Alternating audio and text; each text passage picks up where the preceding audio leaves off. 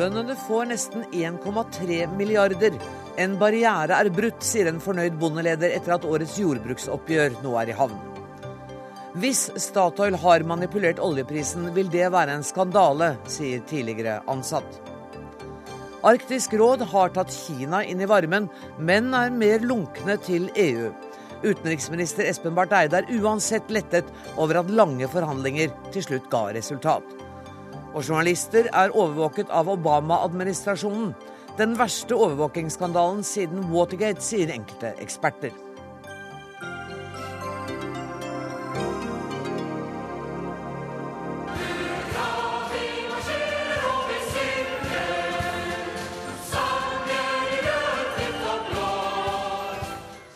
Norge har fått sin grunnlovsjubileumssang. Eksperter vurderer resultatet i Dagsnytt 18 litt seinere. Men aller først. Bøndene får en inntektsøkning på 31 000 kroner per årsverk. Det ble klart i dag da Bondeorganisasjonen og staten kom til enighet om årets jordbruksoppgjør. Statsråd eh, Trygve Slagsvold eh, Vedum, eh, måtte du tøye deg lenger enn du i utgangspunktet hadde tenkt? Det er, det er alltid mange krevende avveininger i forbindelse med et jordbruksoppgjør. for det er Norsk landbruk er veldig mangfoldig, og det er store utfordringer og store muligheter i landbruket. Så, så, her var det krevende runder helt inn. Og så er jeg veldig glad for at vi nå har kommet til en felles avtale med Bondelaget og Norsk Bonde- og Småbrukerlag. Der det gis inntektsmuligheter på i snitt 31 000 kroner per årsverk. Så det er en solid og framtidsretta avtale. Hvor vanskelig var forhandlingene? Det som var bra i år, er at vi klarte å legge fram tilbudet på tida. Så vi hadde egentlig ganske god tid til å sette oss ned, snakke sammen, gå gjennom alle forholdene. Så i år har det vært en veldig ryddig og ordentlig prosess. Hvorfor var det viktig å få levert tilbudet i tide? Fordi at den rød-grønne regjeringa er veldig opptatt av avtaleinstituttet. For i Norge så utformer vi landbrukspolitikken sammen med Bondelaget og Småbrukerlaget. Det er litt sånn rart system, egentlig. At vi ja. sitter og diskuterer det sammen, og så blir vi enige om hvordan vi skal bruke offentlige penger. Men det er en, en, en, en særnorsk modell som både Høyre og Frp er veldig kritiske til. Og da foran et valg så er det viktig å vise at den modellen som vi, eh, den rød-grønne regjeringa, tror på, er en god modell som er ordentlig og solid. Og som gjør at vi kan da få en god dialog med næringa, se hva er de store utfordringene. Hva kan vi løse nå? Hvor kan vi bruke budsjettmidler? Hvor kan vi bruke pris? Og Derfor så var det viktig for eh, regjeringa som helhet, og selvfølgelig spesielt for Senterpartiet, at vi i år klarte å få en, få en god prosess rundt jordbruksavtalen. Nils T. Børke, du er leder av eh, Norges Bondelag. Eh, du har sagt at en barriere er brutt? Ja, det er klart. Eh, vi har jo kjempa lenge. Og vi har lenge sagt at skal vi klare å øke norsk matproduksjon, så må inntektene opp i norsk landbruk. Og inntektene må opp i forhold til andre grupper. Og Det har vært krevende å få til. Og Når vi da i år har klart å ta det med 12 000 kroner, så betyr det ganske mye. For da er det muligheter for å få løfta norsk landbruk. Men altså, dere fikk 31 000 kroner per årsverk. Eh, og så vidt jeg vet, så var kravet i underkant av 47 000. Ja, for hvor, meg... hvor forferdelig glad blir du da? Nei, jeg vet ikke forferdelig glad. Men jeg mener at det er viktig å, å se til hva vi har fått til. Men vi er utålmodige, og vi har lyst til å få ta landbruksmeldingen på alvor og komme i gang med luftet. Nå er det som Trygve sa, vi fikk til dette med priser og sånt. Da møtte vi hverandre godt. Men vi hadde yngst noe mer på budsjett, for da kunne vi komme litt fortere i gang og kunne ha fått et litt bedre løft. Men for oss er det viktig at det viser at regjeringen faktisk vil noe med norsk landbruk og vil løfte norsk matproduksjon. I fjor var det ikke forhandlinger i det hele tatt. Eh, var det viktig for dere i et valgår å gi den støtten til Senterpartiet at dere i hvert fall gikk til forhandlingsbordet? Det som var viktig for oss, er å få gjort det beste for norske bønder. Og det er klart, når de kom med et tilbud, som alltid tilbudet viste at vi fikk mer eller kronemessig lik, og vi fikk kikka på det, så var det naturlig å gå i forhandlinger. Men det var helt klart at vi hadde våre grenser på hva hen vi kunne for å inngå en avtale. Mm. Klarte dere å unngå den grensen? Vi kom så høyt opp at vi mener det var forsvarlig å gå inn i en avtale. Jeg mener vi har fått til en avtale, som jeg sa. En barriere er brutt. I tillegg så fikk vi satsinga på de to hovedkravene som representantskapet vårt hadde satt, det var auka kornproduksjon og auka norsk storfekjøttproduksjon. Og vi fikk gode uttelling på de to områdene. Var det de, viktig, det var, det var det de vanskeligste punktene også under forhandlingene? Det er mange, mange punkt under forhandlinger her. Men det er klart, når representantskapet vårt og hele organisasjonen vår har sagt at i år er det de to områdene som vi må satse mest på, så er det helt klart viktig for oss å få med. Og Så fikk vi litt utfordringer i forhold til distrikt og andre områder. og Da var det òg viktig for oss å få inn ei distriktsvanskelig gruppe, som skal se hvordan skal vi klare å bruke budsjettmidlene lurere for å sikre at vi får et landbruk med variert bruksstruktur i hele landet, som får utnytta ressursene og øke matproduksjonen. Og så har dere fått gjennom en del krav når det gjelder målprising. Ja, på prisen så fikk vi det som vi kravde. Men målpris betyr jo ikke at det er det den prisen bøndene får. Nei, bøndene er selvstendig næringsdrivende, men dette er snakk om at det er inntektsmuligheter. Og på de områdene som vi har løfta prisene i år, så mener vi absolutt at det er mulig å ta ut uh, det meste av de prisene. Gjelder det særlig på fôr og kjøtt? Det gjelder på korn, det gjelder på kjøtt, og det gjelder på flere andre produkter. Og dette her vil jo selvsagt gi litt økte øke priser, men det utgjør ikke mer enn en god hundrelapp per forbruker for året. Og det tror jeg de er villige å støtte oss opp for å styrke norsk landbruk. Statsråd, hvor, hvor viktig er hensynet til oss som forbrukere i disse forhandlingene? Det er veldig viktig. Også en av Hovedgrunnen for at vi har en norsk landbrukspolitikk, er at vi ønsker å ha en norsk matproduksjon med naturlig og trygg mat, og ha en matsikkerhet. Så det, det her er jo et oppgjør både for, næring, for industrien, så Husk at vi også har en stor og tung næringsmiddelindustri i Norge. og Det er en, et oppgjør for, for bøndene. Og det er et oppgjør for forbrukere. Så her er det veldig mange som blir berørt. Så det her er et oppgjør som alle merker, mer eller mindre bevisst. Men du er altså helt uvanlig blid. Du mener også at den hundrelappen som, som forbrukerne her vil måtte ut med ekstra i året, det er til å leve med? Ja, Da er jeg stort sett blid, da, for at jeg får lov til å være, lov til å være landbruksminister. Og det er jo et stort privilegium. Til, ja. ja, fem år til har vi planer om, da. Uh, og det er jo et uh, veldig Det som være hoved, en av hovedtalspersonene for norsk landbruk. Det er et stort privilegium, for norsk landbruk er fantastisk. Det at vi har landbruk fra Finnmark til ytterste fjorde, innerste fjorder på fjellet, overalt, som produserer unike produkter, det er noe vi kan være stolte av i Norge. Og det at vi da klarer å få til en avtale med landbrukets organisasjoner, både bondelag og småbrukerlag, der vi diskuterer hvordan kan vi utvikle denne flotte næringa framover. Da kan vi være blide. Og så har vi alle enige om at det var helt nødvendig å få til det løftet vi nå har fått til. Og så sier Bjørke at nå er en barriere brutt. Eh, nå har man kommet det skrittet som gjør at man nærmer seg den alminnelige inntektsutviklinga i samfunnet. Men det betyr vel at hvis du nå skulle bli sittende som landbruksminister uh, over valget, så vil jo de neste års forhandlinger være enda mer krevende? Ja, når jeg blir sittende Du gir deg ikke. Nei, vi andre skal gjennom ja, valg først. Nei, det, det skal jeg òg. Men jeg tror veldig få har lyst på å legge ned norsk landbruk. Og, og, derfor så, Hvis du vil ha norsk landbruk, så kan det ikke stemme Høyre og Frp. Og det som regjeringa nå har vist, er en vilje til opptrapping. For vi ønsker å øke norsk matproduksjon, og vi ønsker å ha verdi, verdiskapning rundt i hele landet. Og da mener vi det var rett å gi det løftet som vi nå har gjort. Kan ikke jeg spørre deg en gang til, hvor mye over den grensa dere hadde satt, måtte dere gå for å få dette forhandlingsløpet i gang? Det som er så, det som er så fint noen ganger, er at er gårsdagen er gårsdagen, og dagen i dag er dagen i dag. Og nå har vi blitt enige om en avtale.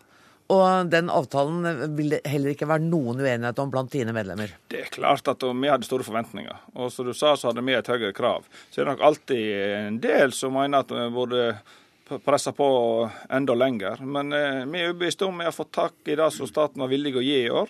Og vi mener det er forsvarlig å inngå en avtale. Og jeg mener dette kan være med og gi det trykket på og få økt norsk matproduksjon framover. Og det er i hvert fall en gemyttlig tone mellom dere. Jeg registrerer at dere er på fornavn og sånn. Det, har det vært så koselig under forhandlingene? Eh, nå er det sånn at Landbruksministeren er ikke med på forhandlinger. Han har en egen forhandlingsleder som tar seg til den biten. Så, eh, så, derfor så er jo her en bra tone ennå. Men Det som er bra i Norge, er nettopp eh, forhandlingsinstituttet. At vi har tett kontakt mellom næring og stat. Og da at vi noen ganger ikke bruker etternavn, det kan være en fordel i landet vårt. Vi bruker ikke så mye etternavn vi gjelder, Magnus Takvam, men hjertelig velkommen, du er politisk kommentator her i NRK. Hvor overraskende var det at disse forhandlingene skulle gå såpass glatt? Det var ikke overraskende, fordi eh, hele regjeringen, finansminister, statsminister, har jo lest situasjonen og vet hva som skjedde i fjor. Så jeg tror nok både regjeringen og landbruksorganisasjonene eh, si, la opp til et løp som eh, der de hadde felles interesse å få til et, det som blir definert som et rimelig bra landbruksoppgjør. Mm. Siden Men, det er valgår, selvfølgelig. Nettopp. Men det er tross, fortsatt 16 000 kroner i sprik mellom kravet og det som ble resultatet? Ja, og det er klart at eh, som Bjørke var litt inne på, så, så, nevnte han her at det ikke er sånn skal vi si, enstemmig hallelujarop i fylkesorganisasjonene til Bondelaget heller. Det er veldig store forventninger, og det er store utfordringer for landbruket rundt omkring i, i, i, Norge. Så det er ikke alle som syns at dette er, er sånn kjempebra, men det er, det er tilstrekkelig til å, å, å, få det godtatt. Er du enig i Bondelagsformannens uttrykk om at det er en barriere som er brutt her?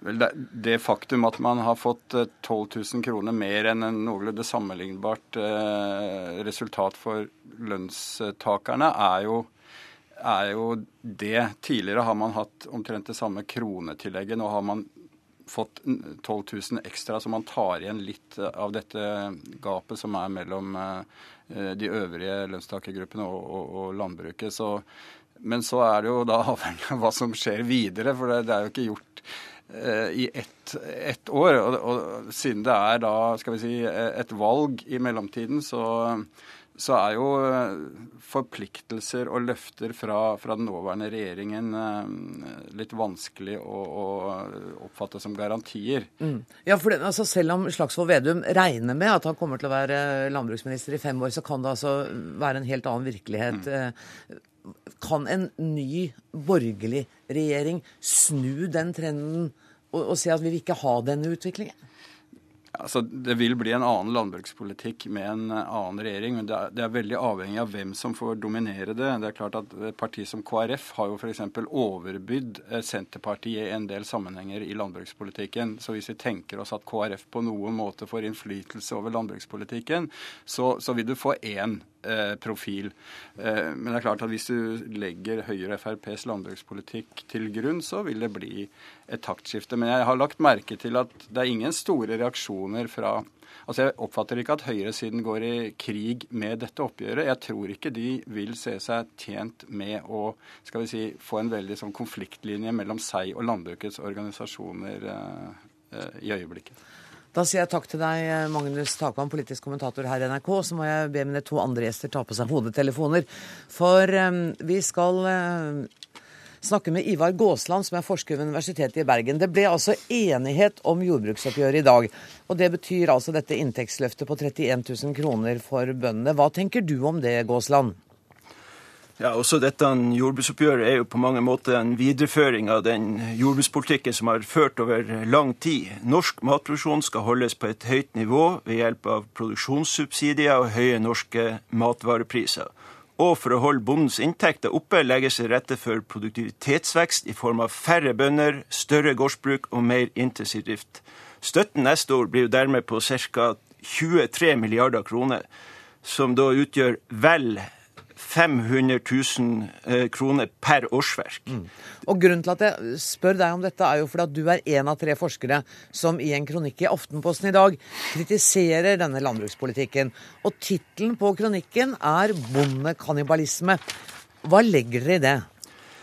Med det mener jeg at uh, i samspill mellom staten og bondelagene, vi har jo hørt at de er på, uh, på fornavn med hverandre, så benyttes da subsidiesystemet aktivt. Og da snakker vi om produksjonssubsidier og investeringstilskudd til å rasjonalisere bort gårdsbruk og bønder i raskt tempo.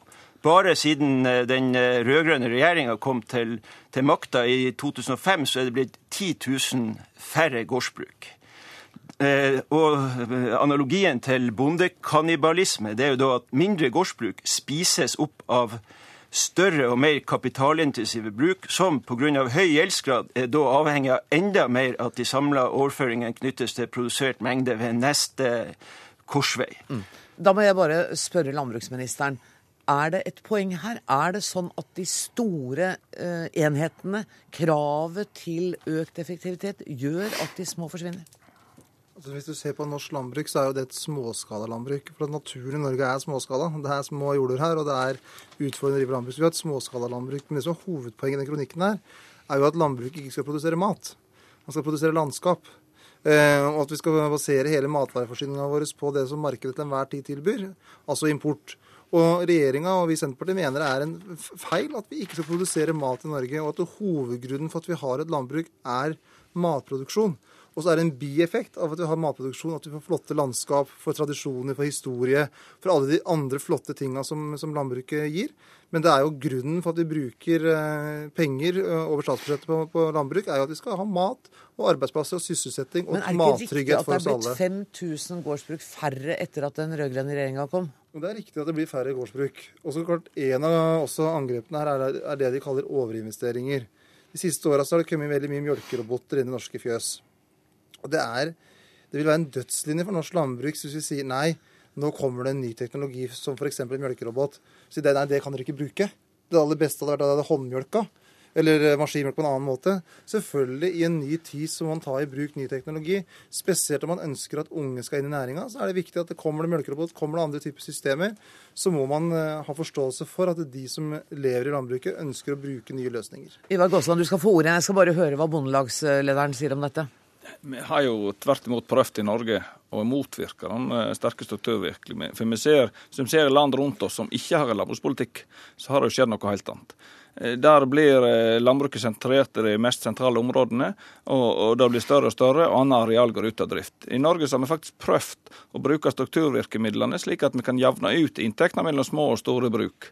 Og Jeg tror vi skal gå enda lenger i det, spesielt på investeringssida. Sånn at bruket, og det har vi faktisk lagt inn i jordbruksavtalen senest nå, er at vi skal se på ressursgrunnlaget på bruket når en investerer. Men det er helt klart at skal vi drive et landbruk aktivt i Norge i dag, der en ser at det internasjonalt blir det mer og mer utfordring med mat, så, så, må det virkemidler til. Og vi må ha virkemidler for nettopp unngå at store areal blir tatt ut av drift. For matproduksjonen i Norge må økes betraktelig, det er målet? Det har regjeringen bedt om, og da ser en ser internasjonalt, så er det mer og mer fokus på mat. Gåsland, dere mener jo i den kronikken at kanskje Norge ikke behøver å øke matproduksjonen? Ja, altså Jeg skjønner jo godt at bøndene ønsker å produsere mat, og at de ønsker å ta i bruk moderne teknologi. Problemet er jo da at eh, det brukes bortimot 23 milliarder kroner i året på dette. Og mat er jo, altså jordbruksvarer er akkurat som fiskevarer som vi eksporterer store mengder. Det er da varer som er private goder som kan stykkes opp og selges i et marked. For slike varer er, så er faktisk handel et godt verktøy for å sikre ei internasjonal arbeidsdeling som reflekterer de enkelte landenes fortrinn. Nå fikk jeg ikke helt Hva er poenget ditt med dette? Poenget mitt er at mat er en vare som kan handles mellom land. Og Norge har dårlige naturgitte fortrinn for å produsere jordbruksvarer. Derfor så vi bør, bør vi, importere mye mer Vi bør eh, importere mye mer mat. Eh, det er greit å produsere mat i Norge, men det bør ikke understøttes med 20 milliarder hvert år. Nå smiler Bjørke litt. Nå skal Bjørke få ordet før statsråden. Du må mest med forsker eh, på Handelshøgskolen i Bergen for å mene det. Det er snart de, det er snart de eneste som mener at ikke det er viktig med norsk matproduksjon. Det er mange produkter vi har bruk for i landet, og hvis ikke maten er en av de virkelig har Her har vi småskalalandbruk rundt om. Vi har lam som går i fjellheimen, enten det er på Vestlandet eller det er i Nord-Norge. Du får noe av de beste landbruk du kan få i verden i småskalaproduksjon. Men Gåslavs poeng er vel at det koster 23 milliarder, eller kommer til å gjøre det? Ja, Da er han innom på skjermingsstøtte og hele pakka. Men eh, det vi ser når vi har undersøkt, så er det jo det at 90% av det norske folk sier de vil ha et landbruk minst på dagens nivå. Og de ser faktisk viktigheten av å være sikre på at de får trygg og god mat. Og de situasjonene som har vært i det siste med ulike importvarer og forskjellige innblandinger og alt, legger vel enda mer tydelig at men jeg føler at det er en del som mener at du kan se på mat nett som alle andre varer. Men mat er faktisk en biologisk produksjon, så du er avhengig av å ha kontroll på for å ha sikker matforsyning. Men jeg må spørre statsråden, kunne vi ha importert mer? Det er et politisk valg å ha landbruk i Norge. Det er, så det er opp til norske politikere i valg, apropos valget til høsten. Men, men nå skal jeg komme tilbake til det som er noe grunnleggende her. og det er at Vi trenger å øke verdens mat, matvareproduksjon. For et par måneder siden så var jeg et møte i Berlin med landbruksminister fra noen og 80 land. Og Temaet der var hvordan kan vi øke verdens matvareproduksjon med over 60 For vi blir flere og flere folk i verden. Og flere og flere begynner å spise som oss. Altså velstandsvekst i Kina og India. Så utfordringa var ikke hvordan vi skal bygge ned matproduksjon. Utfordringa er hvordan vi skal klare å bygge opp matproduksjon. For analysen er at det kommer til å bli mer og mer ustabilitet rundt mat og matvareforsyning. Og når du ser situasjonen som var nå med den arabiske våren En av forklaringene på at den arabiske våren kom akkurat når den kom, var jo veldig stigende hvetepriser i de månedene før. Og verdens største importør av hvete er, er, er, Egypt. Så poenget er at det er jo veldig gammeldags å, å, å si at vi skal basere all vår mattrygghet, all vår matsikkerhet på import. For verdens matvareforsyning kommer til å bli mer ustabil framover, ikke mer stabil.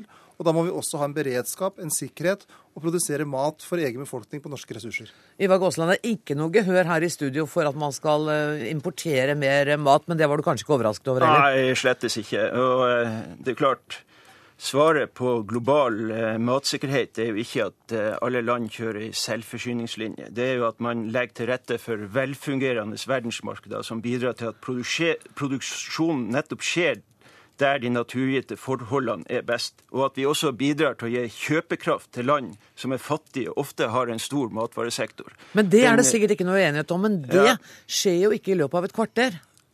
Nei, Hvis vi snakker om nasjonal eh, matvaresikkerhet, så er det jo hovedpoenget her at vi har gode relasjoner til våre handelspartnere. At vi innretter vår økonomi slik at vi har kjøpekraft, og at vi har beredskapsplaner, som er noe helt annet enn å ha høy løpende matproduksjon. Jeg kan bare nevne at eh, eh, når du ser på hvor stor eh, sannsynlighet myndighetene eh, antar at det er at vi skal bli avstengt fra verdensmarkedene, det kan jo illustreres ved at vi ikke lenger har et eh, beredskapslager på korn. Mm. Eh, hvis myndighetene tror vi skal bli avsperra fra verdensmarkedene, så vil de iallfall ha hatt et eh, stort beredskapslager på korn. Det har vi ikke i dag. Bjørke, lever vi litt sånn eh, i en boble og en eh, naivitet her? Men det, er sånn, det er som landbruksministeren sa før her, det er jo mer og mer fokus internasjonalt på mat. I dag er det altså knapt nok korn, kornlager. Den lageret som er på korn, er stort sett på båt i transport til en eller annen, en eller annen land. Og, og, det å sikre seg, seg, mat, det er heldigvis flere og flere i Norge som mener er viktig. Og norske landbruk har sagt er at de vil følge opp det som Stortinget har sagt, at vi skal øke norsk matproduksjon. Og arealet de ligger der de ligger. Det om å gi, en fabrikk kan du legge der det er mest mulig effektivt å drive. Men skal du drive matproduksjon basert på norske, rene, grønne ressurser, da må du gjøre det der som arealet ligger. Og da må du ha spredt matproduksjon. Og det gjelder faktisk over hele verden. Altså- og mange andre land i dag så vet det mer og mer utfordringer med tørke, med flaum. Og det ser stadig oftere at det har vært utfordring på matvaresektoren. Men hvis jeg oppfatta det riktig, Gåsland, så var noe av kritikken din med at vi ikke hadde gode nok beredskapslagre, og det er vel på ditt bord da, statsråd? Ja, det ble eh, avvikla under eh, Bondevik II. Eh, avvikla man beredskapslagring i Norge både på såkorn og på matkorn. var det klokt? Nei, det var ikke klokt. Og regjeringa har gjeninnført beredskapslagring på såkorn i fjor. For vi mente at det, det mest elementære et land bør ha, er å ha beredskap på såkorn. For du ser at været blir mer og mer eh, ustabilt, eh, og det påvirker avlingene. Så for Situasjonen i forfjor var at vi i Norge nesten hadde problemer med å være forsynt med såkorn, men naboland hadde beredskap, beredskap, på det. Og Nå gjeninnfører vi det, og så har vi en diskusjon nå om man bør gjeninnføre beredskapslagring på matkorn. Så kan man si, ja, Er det noe poeng? Men hvis flere land hadde hatt beredskapslager på matkorn, så hadde det blitt mindre svingninger på verdens råvarebørser når vi har tørke, uår, som vi har hatt nå flere ganger siden 2008. Kan jeg få... Det kan du kort, Gåsland. Ja, altså, Det er to ting her. Bjørke fremstiller som at det er kun Norge som kan produsere trygg og god mat, og at norske mat er mye bedre enn utenlandsmat. Det er en slags nasjonalistisk holdning som er tvilsom. Det andre det er jo at det er knapphet på mat i verden. Det er òg tvilsomt. Det er mer enn nok mat i verden. Det er mangel på kjøpekraft i mange land. Så, eh, så, og I tillegg så de, de, Det benevnes ofte når det er dårlige avlinger og at matprisene er på vei opp, men akkurat nå så er det faktisk spådd rekordavlinger på korn i verden. Så, så det, er, det, er tvilsom argumentasjon fra Bjørke. Ok, Kjære venner, vet du hva?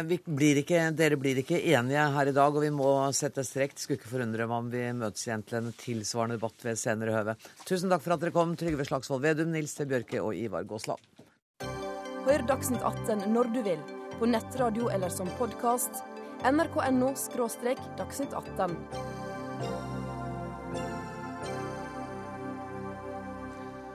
Seint i går ettermiddag kom nyheten om at Statoil er mistenkt for å ha manipulert oljeprisen, og at selskapet risikerer bøter på flere milliarder kroner. I går ble hovedkontoret til Statoil ransaket av inspektører fra ESA og Konkurransetilsynet, og ransakingene har fortsatt i dag. Hva slags sak er dette, økonomireporter her i NRK, Sindre Heierdal? Ja, Det er jo en potensielt veldig stor sak, eh, hvor det er eh, altså mistanke om kartellvirksomhet, eh, og at en av verdens viktigste priser, prisen på olje, er manipulert. Hvem er det Statoil skal ha samarbeidet med? Det er da med, med BP og Shell, som begge er basert i Storbritannia. Og hvor man da skal ha vært med på å sette prisen på nordsjøolje, som igjen er veldig viktig for verdensprisen på olje. Og dette skal ha pågått i noen år, hvis altså mistanken er riktig? Ja, det kan, sier de i EU-kommisjonen nå, ha pågått siden 2002. Så det er klart at uh, her er det en omfattende liste med, med, mistanker. Hvem kan dette samarbeidet eventuelt ha gått utover? Det kan jo da ha gått utover uh, vanlige folk, bilister som uh, står ved bensinpumpene. Det kan ha gått utover rederier, flyselskaper. Eh, det meste som er avhengig av å ha drivstoff for å, for å rulle rundt, kan ha blitt rammet av dette her. Og EU-kommisjonen selv sier at det er bare små kursutslag på oljeprisen kan gi store følger. Men, men hvordan kan det ha gjort Går det an å forklare hva, som, hva de er mistenkt for? Ja, Vi har jo ikke fått uh, alt konkret beskrevet ennå. Men uh, det er en sånn plattform som man benytter her for å rapportere inn priser, som heter Plats. Og eh, indikasjonen er da at eh, man har oppgitt feil priser til Plats. og at det dermed har eh, skapt et kunstig høyt prisnivå som ikke var reelt.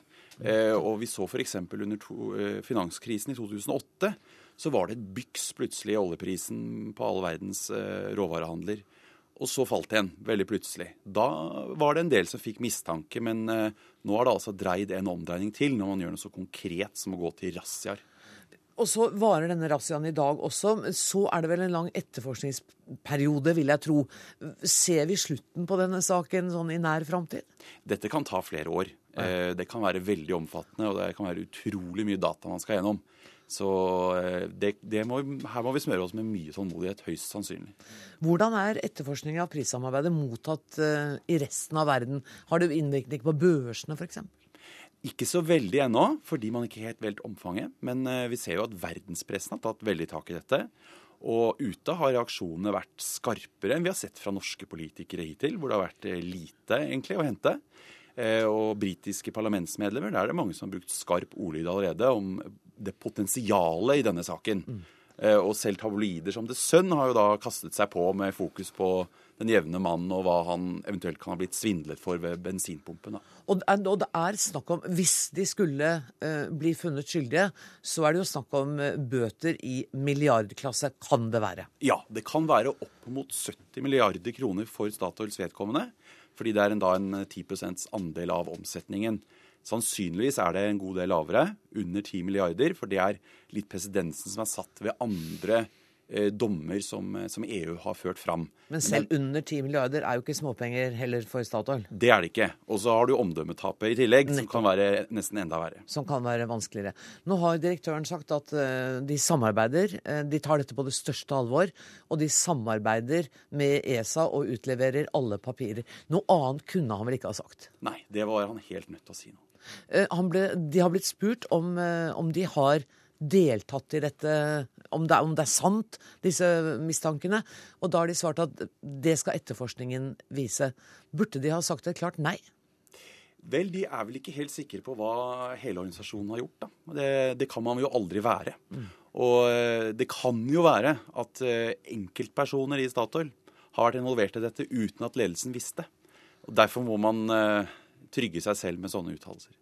Tusen takk skal du ha, kollega Sindre Heierdal, for denne orienteringen.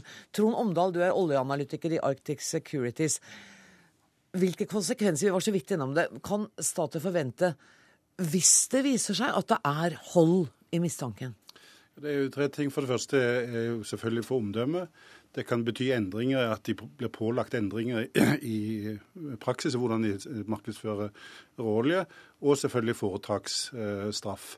Uh, og Der har du jo vært inne på hvilke beløp det er snakk om. Og Et av eksemplene som er nevnt, er jo Libor-skandalen, der bankene satte uh, feilpriser. Der var det 2,4 milliarder dollar. Og så har du uh, Microsoft som fikk en dom på 1,4 milliarder euro.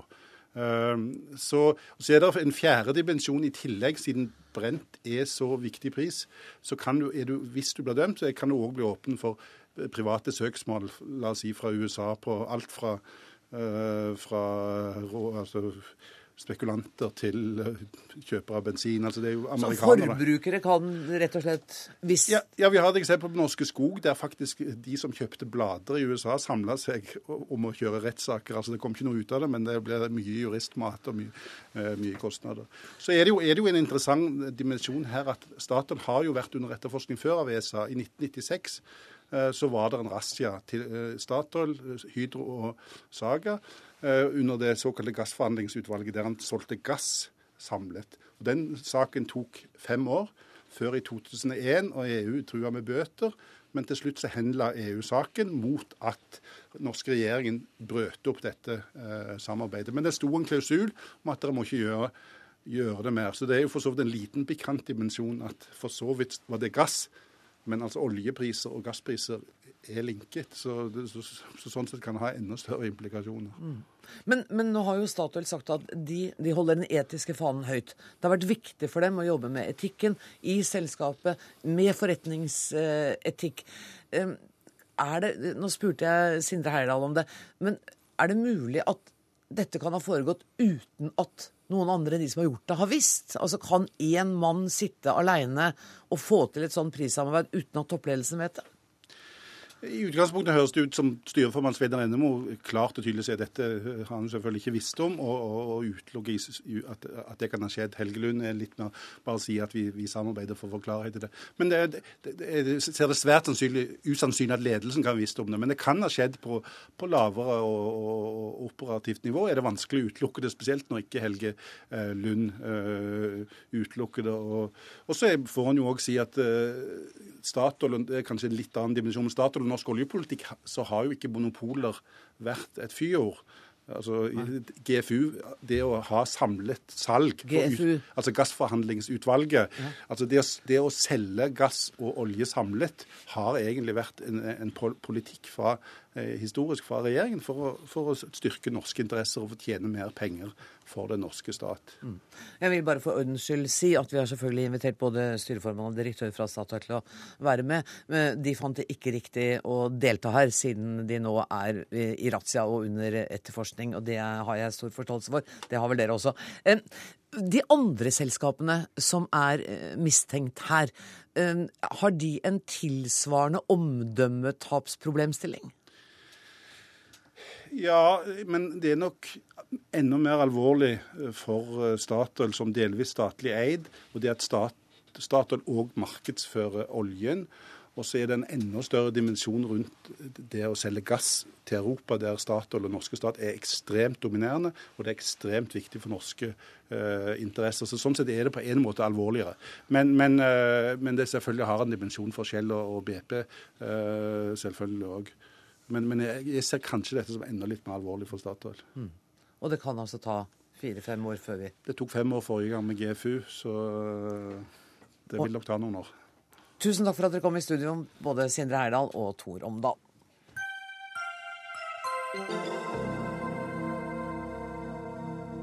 Vi skal til USA, for i jakten på en intern lekkasje skal det amerikanske justisdepartement ha lagret telefonsamtaler til om lag 100 journalister fra nyhetsbyrået Associated Press. Et overtramp som nå kan koste justisministeren jobben. Og dette kommer omtrent samtidig som skattemyndighetene beskyldes for å forfølge deler av høyresiden i landet. Tove Bjørgaas, utenriksmedarbeider og tidligere korrespondent i USA. Hva er det Obamas justisdepartement har gjort her? Det er ikke bra, det de har gjort. Eh, det de har gjort, er altså å skaffe seg loggene for eh, telefonsamtalene til rundt 100 journalister fra velrenommerte AP, fordi eh, de mener at de har lekket en sak som handler om en CIA-operasjon i Jemen, eh, der CIA skal ha forsøkt å forhindre et terrorangrep mot USA i forbindelse med ettårsdagen for da bin Laden ble tatt i fjor. Men altså, det at politikere, presidenter, makta gjerne vil jakte på lekkasjene, det er jo ikke noe nytt. Hva er det som gjør dette ille? Det som gjør det ille, er at altså, Justisdepartementet har, har, mulighet til å gjøre dette. Det finnes reguleringer, avtaler med pressen om at de i svært spesielle tilfeller kan gå inn og gjøre det. Men her mener redaktøren for, eh, for, Associated Press at de har begått et, et, kraftig overtramp fordi de har gått altså etter 100 journalisters eh, telefonsamtaler, skaffet seg et enormt materiale. Og eh, AP hevder også at denne lekkasjen den hadde allerede Det hvite hus kommet med da denne artikkelen sto på trykk. Oh ja, så det kom fra egne kilder innenfor Det hvite hus? Det er i hvert fall det de hevder. Og, amerikansk presse, bl.a. New York Times i dag, går knallhardt ut eh, mot eh, administrasjonen og, og, sier at de skal ikke la seg eh, kneble, selv om de blir forfulgt av Selv om at journalister i USA blir forfulgt av Justisdepartementet. Og det er ganske sterke anklager. Men er det like stort som Watergate? Jeg har sett noen påstander om det. Det er en annen type, en annen type sak. Og de har, altså, de har, altså, myndighet til å gjøre dette i helt spesielle tilfeller. Eh, det, det, er ikke det, kriminelt, ja. Nei, og, men Justisdepartementet hevder altså at de hadde denne, denne retten pga. denne lekkasjen. Eh, men, men, mens redaktørene mener at, at det kan være kriminelt fordi de har gått langt utover eh, sine fullmakter. Og samtidig, som jeg sa innledningsvis, med denne saken, så beskyldes også skattemyndighetene for å forfølge høyresiden. Hvilket bilde tegner Obamas politiske motstandere av hans administrasjon nå om dagen? Dette er veldig stygge saker for en president som satte ytringsfriheten og oppvasken rundt alt dette med hemmelighold og forfølgelse av individer, som mange kanskje beskyldte Bush for å drive med, som satte det som den viktigste saken da han ble president, som lovet å stenge Guantánamo og rydde opp i alt dette her, eh, setter han altså et svært eh, dårlig lys. Og denne saken eh, som gjelder disse høyreorienterte tankesmiene, som altså har blitt gått veldig grundig etter i sømmene, er trolig ulovlig og den etterforsker nå Justisdepartementet. Så her er det to alvor, alvorlige saker på én uke.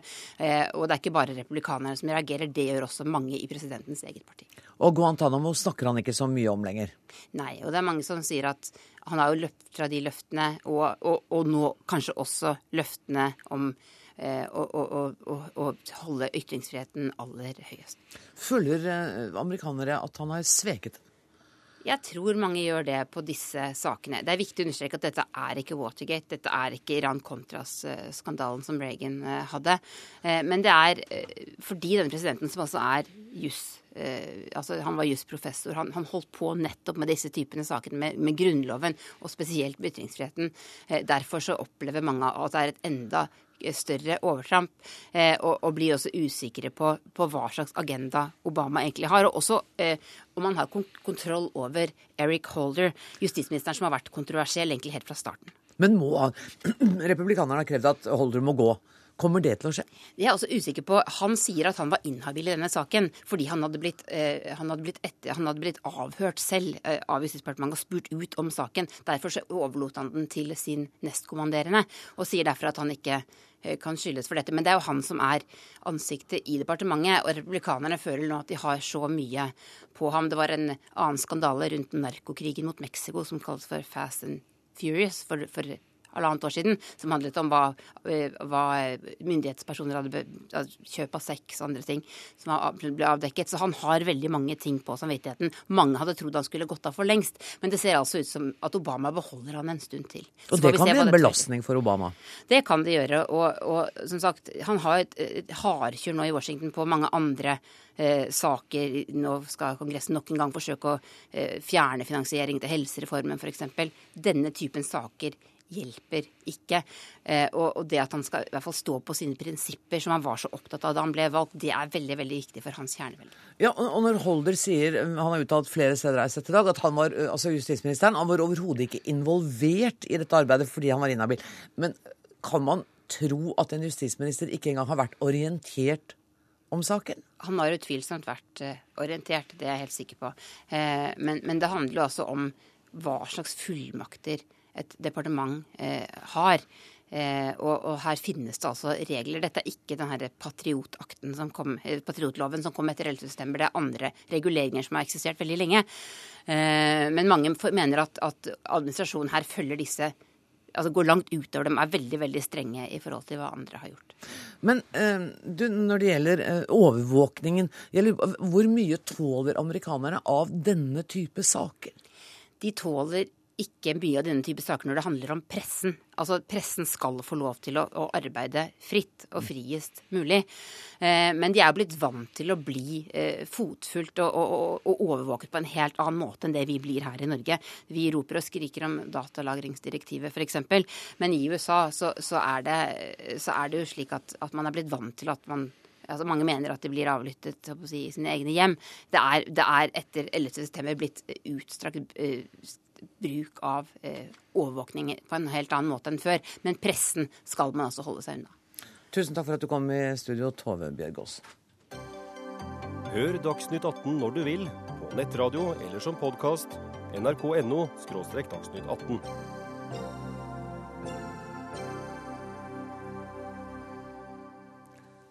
De åtte medlemslandene i det eksklusive Arktisk råd bestemte i dag å åpne dørene for Kina og en rekke andre land med interesser i Arktisk. Arktis. EU må imidlertid vente en stund før de får permanent observatørstatus. Dag Harald Klastø, professor i statsvitenskap ved Universitetet i Oslo. Hva innebærer det at så mange land nå har fått observatørstatus? Ja, det eh, endrer jo litt av karakteren på eh, Arktisk råd. Eh, den har vært veldig dominert av de faste medlemmene, de åtte medlemmene. De nordiske landene eh, eh, USA, Canada og Russland. De nye landene som kommer inn, kommer inn som observatører. Det er en sånn annenrangs status, selvfølgelig. Det betyr at de må sitte der og holde munn? Ja, når det voteres iallfall. Men jeg tror ikke det er det viktige. Det viktige er at du får utvidet en, en, en bredere dialog, en bredere diskusjonsforum rundt arktiske spørsmål. Eh, det vil tvinge seg fram eh, enten innenfor eller utenfor Arktisk råd. Fordi kineserne f.eks., koreanerne, japanerne, alle er opptatt av Arktis. Og hvis ikke eh, disse statene i Arktisk råd hadde ønsket dem velkommen inn i deres fora, så hadde de begynt på egen hånd. Men, men hvorfor, er de, hvorfor, er Arktisk råd mer tilbakeholdne overfor EU de har fått en midlertidig observatørstatus på et par måneder, og så skal man se om de får en observatørstatus. Ja, Det er en sak som går tilbake med en, en hva skal vi si, litt uheldig timing. Eh, eh, altså, EU-parlamentet vedtok et forbud mot omsetning av selskinn. Eh, rett før Arktisk råd skulle diskutere EUs observatørstatus forrige gang. Eh, de canadiske inuittene reagerte sterkt på dette. Det canadiske parlamentet reagerte deretter, og dermed så reagerte også de canadiske representantene ganske sterkt. Så har det vært en generell eh, skepsis i Arktisk råd mot å utvide organisasjonen. Men jeg tror den taktiske vurderingen nå er at det er bedre å få disse landene inn i en diskusjonsklubb hvor man selv er, og man selv egentlig har litt hovedkontrollen, enn at EU og Kina og disse andre begynner helt på egen hånd. Eivind Molde, du er journalist i NRKs utenriksredaksjon, og du er til stede på ministermøtet i Kiruna. Hva er det som har skjedd? Hvor vanskelige tror du disse forhandlingene har vært? For de varte jo til langt på natt i går. Ja, Det virker som det var veldig veldig vanskelig. Dette var en ganske, en ganske krevende situasjon, virker det som. fordi at Da møtet begynte i går kveld, så var jo dette helt åpent. Altså, En visste jo hvor de nordiske landene sto. Det var jo åpne for uh, å slippe inn de nye observatørene, altså de nye landene som ville inn. Men uh, Russland, Canada og USA var jo helt uvisst. sånn at uh, Vi fikk jo bekrefta både av Espen Barth Eide og Carl Bildt da de kom i går, at dette var fortsatt helt åpent idet møtet begynte. Og Det ble jo en arbeidsmiddag som strakk seg skikkelig langt utover natta før dette var i boks. Så det var absolutt uh, spennende, fordi at ofte så er jo alt klart i god tid på forhånd i, i slike tilfeller. ikke sant? Merker du at det var en lettet stemning i dag? Ja, faktisk så gjorde jeg det, syns det. Og det var jo eh, så stor spenning knytta til det at eh, når vi da kunne høre at eh, det gikk imot en løsning, og vi fikk dette annonsert på formiddagen, så det er klart at det var jo en lettelse rundt omkring. Det går ut fra at det er en lettet utenriksmedarbeider du har ved siden av deg. Kan du gi telefonen til ham, så jeg kan få snakke litt med Espen Barth Eide? Jeg mente utenriksminister, selvfølgelig. Espen Barth Eide. Hallo, her er jeg. Her er du. Jeg kalte deg utenriksmedarbeider. Det hadde vært artig om du hadde vært i NRK, men du er altså utenriksminister. Um, det er det. du, um, det å bevilge, eller gå inn for at Kina skulle få observatørstatus, hvor vanskelig var det å få gjennomslag for det? For det har jo Norge villet lenge. Ja, Norge og de andre nordiske landene har gått inn for Kina, men også for de andre søkerlandene. Sør-Korea, Japan, India, Singapore og Italia. Og for vår del da også EU. Og Det var også et standpunkt de andre nordiske landene hadde. Eh, det var lange og harde diskusjoner. De var ikke først og fremst om Kina, men de var prinsipielt sett om alle eh, land. Eh, men som dere også ser fra resultatet, så ble det altså et bra resultat.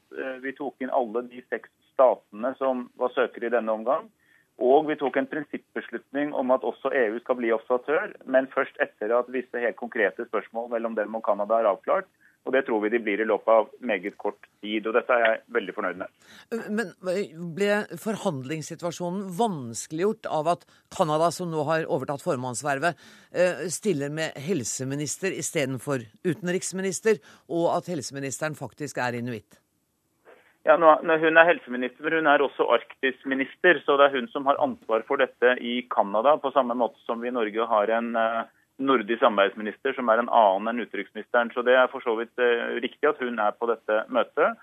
Og hun uh, deltok meget aktivt og representerte Canadas syn på en, en, tydelig og klar måte. Jeg spurte om, om forhandlingene var blitt vanskeliggjort av det faktum? Nei, det kan jeg overhodet ikke se for meg. at det, altså, Canadas posisjon var annerledes enn vår, og den ville det vært enten det var utenriksministeren eller henne eller statsministeren som satt der. Så, så, det tror jeg ikke hadde noe med saken å gjøre.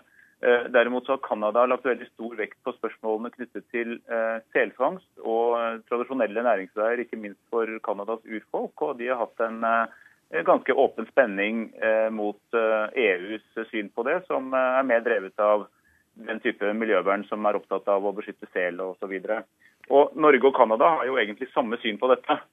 Men for Norges del så har vi lagt, uh, hatt en annen vektlegging av hva det skulle bety i vårt forhold til Arktisk råd. Og Det jeg er veldig glad for nå, er at vi altså har fått til en, uh, en, løsning som alle kunne være enige om. Det er riktig at det var uh, dramatiske forhandlinger. De pågikk til langt over midnatt. Vi var vel ikke ferdig før nærmere halv to. Og ved midnatt så vil jeg si at det fortsatt var høyst uavklart om det ville bli utvidelse i det hele tatt. Du sa at eh, Norge og Canada har helt sammenfallende syn når det gjelder hensynet til urbefolkningen. Men Norge har et annet syn. Betyr det at vi ofret nå urbefolkningshensynene? Nei, nei, nei. Jeg sa, ikke, jeg sa i forhold til selfangst. Uh, ikke urfolk, sel, altså spesifikke spørsmål om selfangst. Men vi har ikke på noen, noe tidspunkt ment at uh, uenighet med EU om selfangst skulle være et avgjørende spørsmål i, når, når, det store spørsmålet om hvorvidt EU skulle være observatør i Arktisk råd, som okay. driver med klima og miljø og mange andre ting. Så det var en ulik vektlegging av det standpunktet. Eh, det har aldri vært en kobling fra vår side, men det hadde vært fra Canadas side. Men så var det også andre land som stilte spørsmål om hvor mange observatører vi skal ha og om det var slik at organisasjonen ville bli styrket eller utvannet av det. Men uh, til slutt så ble det altså en enighet, og den enigheten har alle nå stått sammen og forsvart. Og det tror jeg også har vært uh, riktig og bra.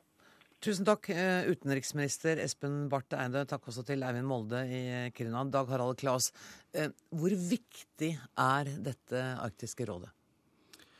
Ja, det er sånn i utgangspunktet ikke så veldig viktig. Eh, I og med at de stort sett ikke har fattet noen eh, bindende vedtak. Nå har de begynt med det. De har eh, på sitt forrige møte for to år siden vedtatt en avtale om søk og redning i arktiske områder, og denne gangen om oljeutslipp. Ikke veldig, som Greenpeace har eh, sterkt påpeket når det gjelder den siste, ikke veldig dyptpløyende og veldig inngripende avtaler, men et første skritt på internasjonalt samarbeid rundt viktige spørsmål i Arktisregionen. Men hva var tanken da de etablerte dette her da i 1996? Ja, den, den tanken i 1996 var nok uh, veldig moderat, men det var, var, jo å få posisjonert, om du vil, uh, nordområdene igjen i, i det internasjonale, internasjonale bildet. Eh, etter at den altså Når den kalde krigen sto på, så var dette et høyintensivt område. Eh, fokus for stormaktene, eh, et, et kjernefokusområde for stormaktene. Etter den kalde krigen har dette jo vært helt i bakevja, om man vil. Langt mot nord og kaldt og et ingenmannsland.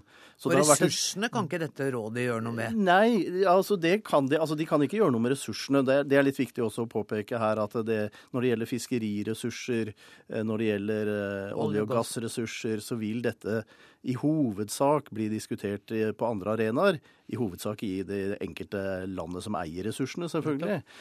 Men det er jo aspekter ved dette som kan diskuteres i, i Arktisk råd, som f.eks. hvordan bygger vi opp infrastruktur som kan håndtere f.eks. oljeutslipp eller skipskatastrofer i dette området, når nå vi vet at aktiviteten i hvert fall i en viss grad tar seg opp, ikke minst på det maritime området. Nå hørte vi utenriksministeren si at altså, EU har en midlertidig observatørstatus. Den kommer til å bli permanent når de får løst disse spørsmålene om selfangsten. Er det bare en proforma? Ja, det er litt spesielt at det er noe av Canada som får formannskapet da, og skal håndtere denne prosessen med EU. Men, men jeg antar at de andre medlemslandene, permanente medlemslandene har sagt såpass klart ifra til canadierne at, at dette, dette, bør de få til. Det, det er litt viktig, fordi nå sitter altså USA og Russland som permanente medlemmer i rådet. Nå kommer Kina, Japan og India inn. Det ville se veldig kunstig ut når du først tar inn stormakter av denne typen, og la vår nærmeste eh, stormaktsnabo EU eh, i stikken i, denne, i denne, saken, så lenge EU ønsker en permanent observatørstatus. Takk for at du kom til Dagsnytt 18, Dag Harald Klas.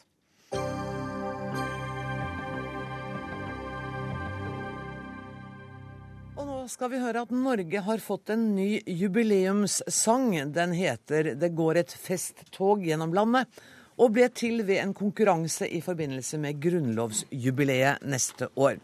Og vi skal eh, koste på oss litt 17. mai-stemning i studio nå, så tett opp til den store dagen.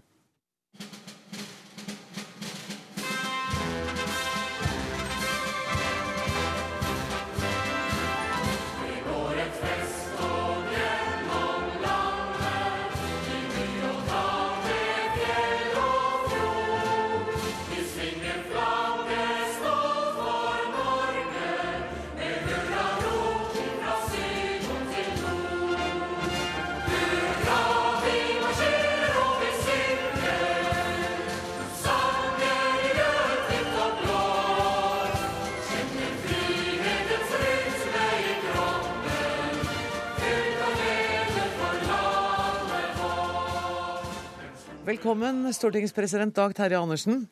Det var presidentskapet på Stortinget som initierte denne festsangkonkurransen. Hadde du litt lyst til å vifte med plaggen når du hørte den? da?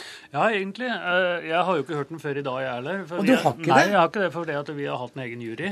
eh, Leda av Line Henriette Hjemdal, som da var presidentskapsmedlem. Du, Ta den mikrofonen litt nærmere deg, så hører alle hva presidenten sier. Ja. Eh, er leda Line Henriette Hjemdal. Ja. Eh, men ellers sammensatt av fagfolk fra korpsbevegelsen, fra korbevegelsen, fra norske musikkmiljøer. Men du, hvorfor lurer jeg på, hvorfor måtte vi ha en ny sang? Nei, nå skal du høre det at, at når vi diskuterer grunnlovsjubileet, og jeg har jobba ganske mye med det, og nå begynner jo noe av det å synes, eh, så, så er det bestandig en diskusjon knytta til jubileer. Burde vi ha en symfoni eller et eller annet musikkverft framført på Konserthuset eller eh, andre steder? Og så blei vi enige om det, og det bygger på bakgrunn og ideen med feiringa, nemlig at vi vil ha det breit og folkelig, og vi vil ha barn og unge som hovedmålgruppe. Det ligger i bånn. Basert på det så, så syns vi det var en god idé at eh, dem som sørger for at 17. mai blir det han blir, nemlig korpsbevegelsen i Norge, heller burde få ei gave enn at noen av oss skulle være heldige å komme på én konsert som kanskje ble glemt etterpå. Dette er en, en eh, melodi i marsjtakt som kan eh, synges, eh, men som ikke minst kan spilles av korps. Og så kommer vi altså til å gi det som gave til alle musikkorps i Norge, som er takk for det at de står på det frivillige i Norge, bruker fritida si for å sørge for at vi alle sammen har et trivelig 17. mai. Og det syns vi var en fin måte å markere 17. mai på. Og bare for å liksom ikke ha noen tvil, dette er ikke meningen at dette skal erstatte nasjonalsangen eller Nei, nei, andre på, sanger som på ingen måte, men det, men det var et poeng Det var et poeng for oss at uh, den skulle være i den tradisjonen som er knytta til 17. mai-tog. Mm. Og det var et poeng til som vi var veldig opptatt av. Den skal lyde bra både når Forsvarets statsmusikk spiller den, som vi hørte i dag, Mm. men når skolemusikken Hime spiller den, så skal de greie dem òg. Så det skal altså være noe for hele Korps-Norge, og det mener vi har treffet på. Jon Roar Bjørkvold, professor i musikkvitenskap. Hensikten var en marsj som korpsene kan spille. Har de oppnådd det? Det har de. Jeg er gammel korpsmusikant og Ja. har marsjert gjennom mange ganger opp Karl Johan. Likte du det? Ja, altså, denne her klisjémessig er den helt på plass. Akkordrekkefølge akkurat som man skal. Den åt bam, bam, bam, bam, bam, bam, bam, baram, bam. Men så skjønner du, så kommer sånn Der hører jeg eh, Kjell Lund, jeg. Her kommer guttemusikken. Plutselig så kommer den inn. Og, og så kommer eh, unge som altså river i stykker og tuller med å bruke lokk, grytelokk og, og sånt på kjøkkenet. Og, og som erobrer denne marsjen på sine premisser. Det er unga. For unga går ikke i takt. Nei. Eh, Korpsa går i takt, så vi takt, så vi skal prøve å holde orden på unga. Men unga, de, de virrer. Eh, Og, og første gang jeg hører nå at det er ment for korpsa Dette kan korpsa spille. Absolutt. Og de vil kjenne igjen absolutt alt. Kanskje litt for mye. Og så sier jeg det er vanskelig å synge en arie etter Pavarotti. Og det er veldig vanskelig å spille en marsj 17. mai etter Norge rødt, hvitt og blått. Altså, å la den vokse opp, ikke bare korpsa for at de kan spille den, men å la, la dette bli en folkelig sang som kan synges i tog, der tror jeg det blir vanskelig å nå opp, rett og slett. altså for den andre er så svær. Men du, jeg, Nå har vi snakka litt om musikken, så teksten. Erik Fossnes Hansen, forfatter, hjertelig velkommen. Du har vunnet Spellemannspris for beste tekstforfatter på norsk plate. og Derfor spurte vi om du kunne se litt på denne teksten. Hva syns du? Nei, altså Nå vil ikke jeg ødelegge gleden for uh, vinneren. For. Nei, verken for stortingspresidenten, men spesielt ikke for uh, Grete Myhre Skottene, som har uh, bidratt med teksten, Nei. og som sikkert har gjort så godt hun har kunnet. Men jeg ser jo at i juryen har det ikke sittet noen med tekstkompetanse. Og jeg vil nok si at teksten kanskje jeg syns nok at klisjeene slår hverandre litt i hjel. Eh, det er mulig å lage, mener jeg, en populær og god tekst uten at det nødvendigvis eh, blir bare en oppramsing av de gode intensjoner som jeg syns at denne teksten egentlig inneholder, og derfor ikke har noen særlige eh, hva skal vi si, Det er ikke noen tekstmessige kvaliteter som er spesielt finurlige, eller som løfter den noe særlig, selv om alle kan være enig i det som står, og selv om dette er brukbart håndverk fra en god rimsmed. Eh, Det blir litt for meg, når vi snakker om de gode intensjoner på rim, så blir det litt for meg som den visa som de som er litt eldre vil huske fra 70-tallet. Altså hvis du husker fjellvettregelvisa, hvor man ramser opp alle de gode tingene, altså eh, i dette tilfellet fjellvettregler. Eh, Og her kommer jo friheten og den store dagen og, og, og det som er, og rimene smeller bortetter, og det er bra. Men men jeg tenker at en god tekst den skal fortelle en historie på en annen måte. Det skal være en utvikling i teksten. Eh, dette er ikke for å rakke ned på tekstforfatteren, men eh, jeg undrer meg litt over at det ikke har vært noe vi, vi har jo ganske mange gode eh, fagmiljøer som driver med den type ting. Tekstforfattere og populærkomponister og sånn. At de ikke har vært mer inne i bildet. Tenkte dere ikke på det, stortingspresident? Vi har en representant for Norsk forening for komponister og tekstforfattere eh, med Ja, men jeg tror ikke hun er tekstforfatter, du. Eh, Det kjenner ikke jeg til, og vi har heller ikke blanda oss inn i juryens arbeid. Det som er tilfellet, er at vi har altså utlyst det her veldig breit, men vi har sagt hvilken tradisjon vi ønsker det skal være i. eh, Og altså formålet var å få fram ei gave til korps og kor Norge. Eh, Så har komponister og tekstforfattere jobba sammen, og så er det altså juryen som har pella ut blant 50 innsendte Ja. eh, forslag. Eh, og, og jeg vil ikke gå inn i noen sånn dypere analyse av tekstens enkeltelementer. Jeg registrerer at de har fått fram en del verdier her som ikke tipper over, vil jeg si, i å bli eh, nasjonalistisk, som kunne vært en fare med den type tekst vi her, her snakker om. Så det er i hvert fall unngått. Finne en balanse i det. Men altså, husk på, det her, målgruppa her er Særlig barn og unge som har gleden av å delta i det frivillige Norge, som gjør at vi feirer 17. mai på den måten vi gjør. Og i forhold til det så syns jeg den er formålstjenlig. Og så må jeg si, første gang jeg hørte den som ikke-musikkekspert, så syns jeg det var en marsj som til tross for den utfordringa det er å komme etter de kjente sangene vi allerede har, faktisk klarer det på en anstendig måte. Og jeg tror det kan bli en fin gave å gi til ungdom over hele landet. Bjørkvold først, og så Fossnes Hansen. Ja, jeg tror at mange av korpsa ønsker seg noe mer enn marsjer, også på 17. mai. Eh, tenk om dere hadde gjort noe annet. altså, eh, Tenk om dere hadde valgt en folketone som strekker seg over disse 200 åra. Det er mange av dem. Og laget en noe i tretakt. Ola Glomstulen Og laget en tekst av en proffforfatter på det. Og korpset hadde nytt å spille det, altså. Man kunne gjort noe sånt, men jeg vil jo ønske lykke til. Jeg tror korpsa vil komme til å spille den feiende flott. Den er ikke vanskelig å spille. Og den er helt idiomatisk. Men faren blir jo, særlig jeg hører Kjell Lund, at den kan bikke over i parodien, altså. Eh, Erik Fosse Hansen, Er dette en sang vi alle kommer til å synge hver 17. mai fremover? Det vet bare ettertiden, og det er ingen som kan vite om en sang blir stående eller ikke. Spå litt, da. Vær litt gema. Jeg tror ikke det, fordi jeg tror at den på en måte flyr litt under radaren. Den er litt for lite særpreget, og den har litt for lite handling både i melodi og tekst til at den på en måte løfter seg opp som noe som man går rundt og husker. Men jeg vil også slutte meg til lykkønskningene og håpe at dette går bra. Men jeg vil jo også si en ting, at selv om en ting skal spilles av barn og unge, så er det å skrive melodier og tekster det er et høyt spesialisert fag for Ja. de som driver med det. Og hvis, hvis lytterne våre vil høre hele sangen, det må jeg få lov å si, så kan, og si hva de mener, så kan de gjøre det på våre nettsider, som er nrk.no. Jeg må takke Erik Fossnes Hansen, Dag Terje Andersen, Jon Roar Bjørkvold. Jeg takker også Dag Dørum, som har vært ansvarlig for eh, denne sendinga, og det tekniske ansvaret som ligger hos Hanne Lunås. Jeg heter Anne Grosvold og er på plass igjen i morgen. Takk for nå.